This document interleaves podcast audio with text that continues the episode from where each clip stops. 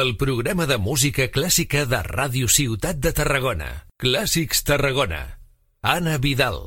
Bienvenidos y bienvenidas aquí en Classics Tarragona, el programa de música clásica de Radio Ciudad de Tarragona que nos acompaña cada semana y que esta semana lo dedicó a un tema de música clásica, concretamente del periodo de la música barroca de los estilos franceses y en ese caso hablaremos de algunos compositores, pero sobre todo quiero hablar de lo que significaba la música para los franceses en aquella época y hoy empezamos este programa con Rameau, Castor y Pollux, una danza que es la chacona interpretada por la orquesta del siglo XVIII.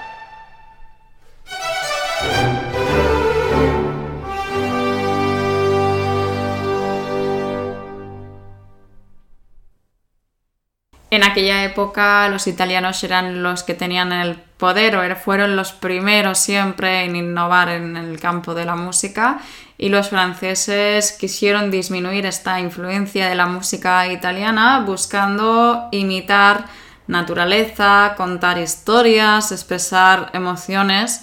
Ellos buscaban la elegancia y la perfección siempre dentro de lo que era el estilo de la música barroca. Escuchamos a Lully una selección de grandes marchas.